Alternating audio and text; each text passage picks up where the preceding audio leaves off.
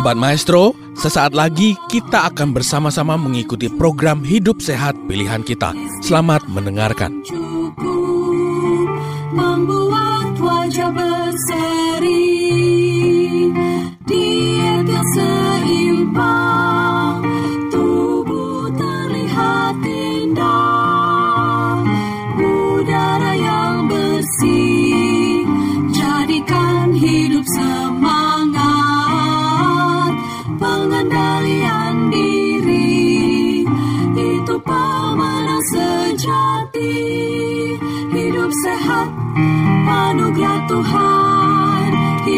Sehat sangat berharga sepuluh hukum kesehatan Shalom, salam sejahtera bagi kita semua.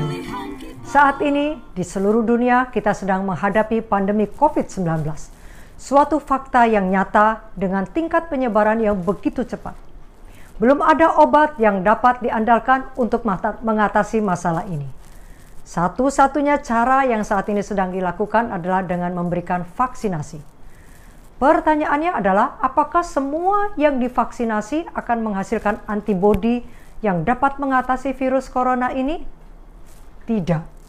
Lebih konkretnya, apakah orang yang sudah divaksin pasti kebal, tidak akan kena lagi eh, terpapar COVID-19? Belum tentu. Jadi apa yang dapat kita perbuat?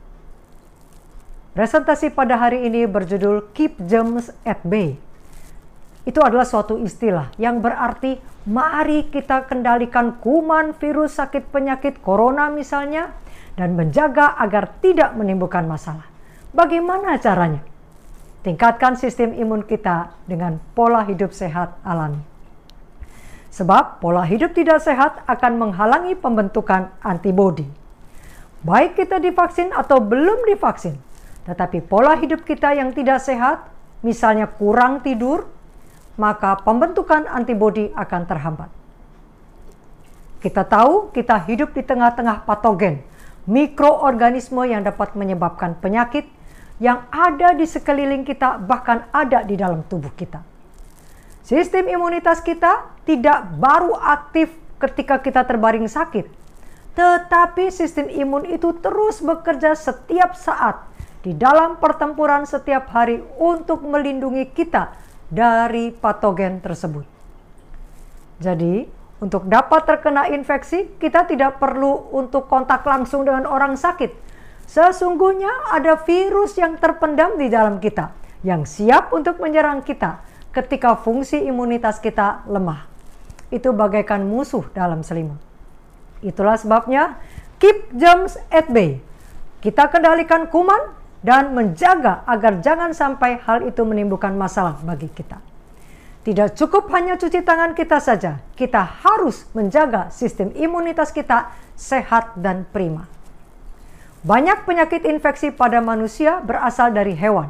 Itulah yang disebut penyakit zoonosis. Kita mendapatkan TBC dari kambing, campak dan cacar dari ternak, demam tipes dari ayam, virus flu dari kuda, dan saat ini virus corona diduga berasal dari kelelawar dan binatang liar yang dijual di pasar hewan di Wuhan, China. ISPA, infeksi saluran pernapasan atas, merupakan infeksi pada saluran pernafasan yang disebabkan oleh virus, bakteri, serta berbagai macam zat yang terkandung dalam udara. Setiap nafas yang kita hirup, kita memasukkan ribuan bakteri. Setiap gigitan makanan yang kita makan, kita dapat saja menelan jutaan lebih kuman. Sebagian besar dari kuman-kuman tersebut tidak berbahaya. Sebagian lagi dapat menyebabkan penyakit infeksi yang serius dan menyebabkan kematian seperti COVID-19 sekarang ini.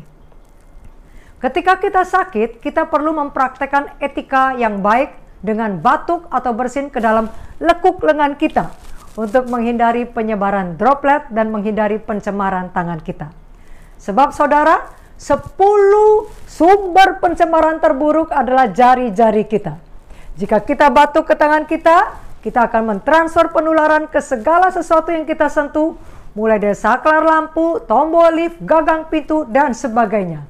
Jadi jagalah tangan kita bersih sebelum menyentuh mata, hidung, dan mulut, setelah kita kontak dengan permukaan umum. Namun, beberapa penyakit tetap akan dapat menembus garis pertahanan pertama, yaitu mempraktekkan kebersihan tangan. Ada orang tidak pernah kontak dengan orang luar, tidak pernah keluar rumah, dan selalu menjaga kebersihan tangan, tapi terpapar infeksi COVID-19. Itu sebabnya penting untuk menjaga sistem imunitas kita berfungsi prima melalui makanan dan pola hidup sehat.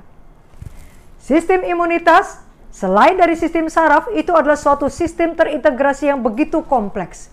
Sistem imunitas itulah yang melindungi kita dari serangan asing. Dan itu terdiri dari berbagai organ, sel darah putih, dan juga protein yang disebut antibodi Semuanya membentuk suatu kerjasama untuk melawan patogen yang masuk ke dalam tubuh.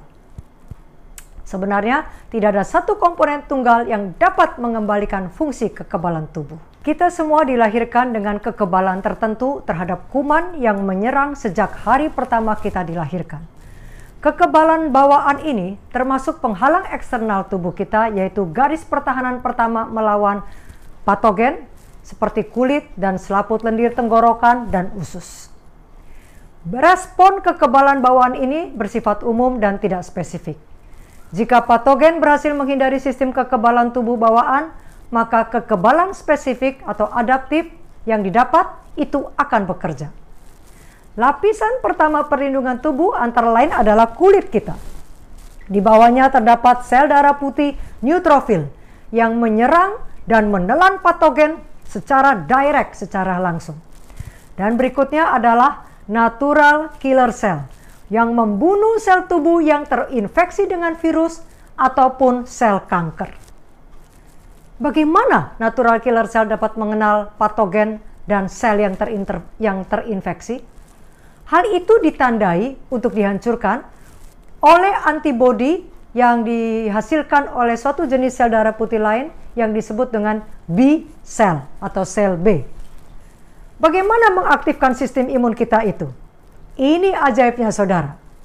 Sistem imun kita itu dapat mengaktifkan dirinya sendiri secara berkala pada saat-saat adanya risiko besar.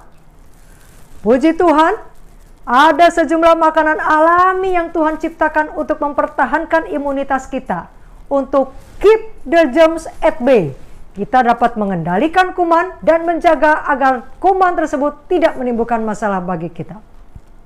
Penelitian membuktikan bahwa ada satu hubungan antara memakan makanan yang bersifat nabati atau vegetarian, sayur-sayuran, buah-buahan, dan polong-polongan, dan sistem imun. Dalam suatu percobaan pada sekelompok orang usia 65 tahun ke atas, dibagi ke dalam dua grup. Grup pertama sebagai kontrol grup mengkonsumsi sayur dan buah kurang dari tiga porsi sehari. Grup 2 mengkonsumsi 5 porsi lebih. Kedua grup ini diberikan vaksin untuk mencegah pneumonia. Tujuannya adalah, tujuan pemberian vaksin ini adalah untuk merangsang sistem imun untuk memproduksi antibodi terhadap penyakit pneumonia tersebut. Didapati, grup yang mengkonsumsi sayur dan buah 5 porsi lebih memiliki antibodi 82% lebih banyak dibanding grup yang mengkonsumsi sayur dan buah lebih sedikit. Terbukti, sayur dan buah-buahan dapat meningkatkan sistem imun tubuh kita. Sekarang kami hendak menunjukkan satu jenis sayur-sayuran lain yaitu keluarga cruciferous atau kubis-kubisan yang mampu untuk mengaktifkan suatu jenis sel darah putih yang namanya IEL. Apa itu? Nanti kita lihat. Sebelumnya, kita lihat terlebih dahulu pada beberapa fakta menarik yang Tuhan ciptakan pada tubuh manusia. Kita sudah tahu bahwa area permukaan yang paling luas yang terpapar dengan dunia luar dari tubuh kita adalah kulit kita, sekitar 2 meter persegi lah luasnya. Namun rupanya paparan terbesar dari tubuh kita kepada dunia luar bukan kulit kita, melainkan lapisan usus kecil sekitar 200 meter persegi, kira-kira seluas lantai rumah rata-rata. Itu berarti 100 kali lebih luas daripada permukaan kulit luar kita ini. Area permukaan yang besar dari usus halus ini diperlukan untuk proses pencernaan dan penyerapan kompleks yang berlangsung di dalamnya. Usus kecil adalah saluran pencernaan yang terpanjang, kurang lebih 3 meter di dalam manusia hidup. Itu dua kali lebih panjang daripada apa yang ada di mayat, karena memang mayat tidak ada lagi kontraksi otot di dalamnya. Mengapa usus kecil yang panjangnya lima kali daripada usus besar disebut usus kecil? Disebut kecil karena memang diameternya kecil, sekitar 1 inci atau dua setengah senti dibanding usus besar yang berdiameter 3 inci, tujuh setengah senti. Dan di usus kita ini, lapisan tersebut sangat-sangat tipis. 1 per 50 juta meter tebalnya. Dengan kata lain, dinding pembatas yang memisahkan aliran darah kita dengan dunia di luarnya itu berkali-kali lipat lebih tipis dari sehelai kertas. Bandingkan tadi dengan lapisan kulit, tebalnya kira-kira 2 mm. Terdiri dari berlusin-lusin lapisan sel pelindung yang menjaga kulit kita ini atau tubuh kita dari dunia luar di luar tubuh. Mengapa kita tidak memiliki lapisan yang tebal di dinding usus untuk melindunginya? Karena tubuh harus menyerap nutrisi dari makanan. Jika lapisan usus itu lebih tebal, maka nutrisi akan mengalami kesulitan untuk menembusnya. Maka dengan lapisan tipis yang begitu fragile antara bagian yang steril dengan bagian luar, kita memerlukan suatu sistem pertahanan yang cukup. Dan memang di sini ada sistem imun kelompok sel darah putih yang disebut IEL tadi, intraepithelial limfosit, yang berfungsi menciptakan dan memperbaiki kondisi daripada lapisan tipis usus ini dan kedua sebagai garis pertahanan usus terhadap patogen. Limfosit ini, sistem imun ini, IEL ini ditutupi oleh yang namanya AH reseptor. Berpuluh-puluh tahun para ilmuwan tidak menemukan kunci yang pas untuk bisa membuka pintu AH reseptor ini. Sebab kalau saja kita tahu kunci untuk membuka AHA reseptor ini, maka kita dapat meningkatkan imunitas tubuh kita. Dan baru ditemukan bahwa kuncinya ada di brokoli. Sobat Maestro, Anda baru saja mendengarkan program Hidup Sehat Pilihan Kita. Terima kasih atas kebersamaan Anda. Istirahat yang cukup membuat wajah berseri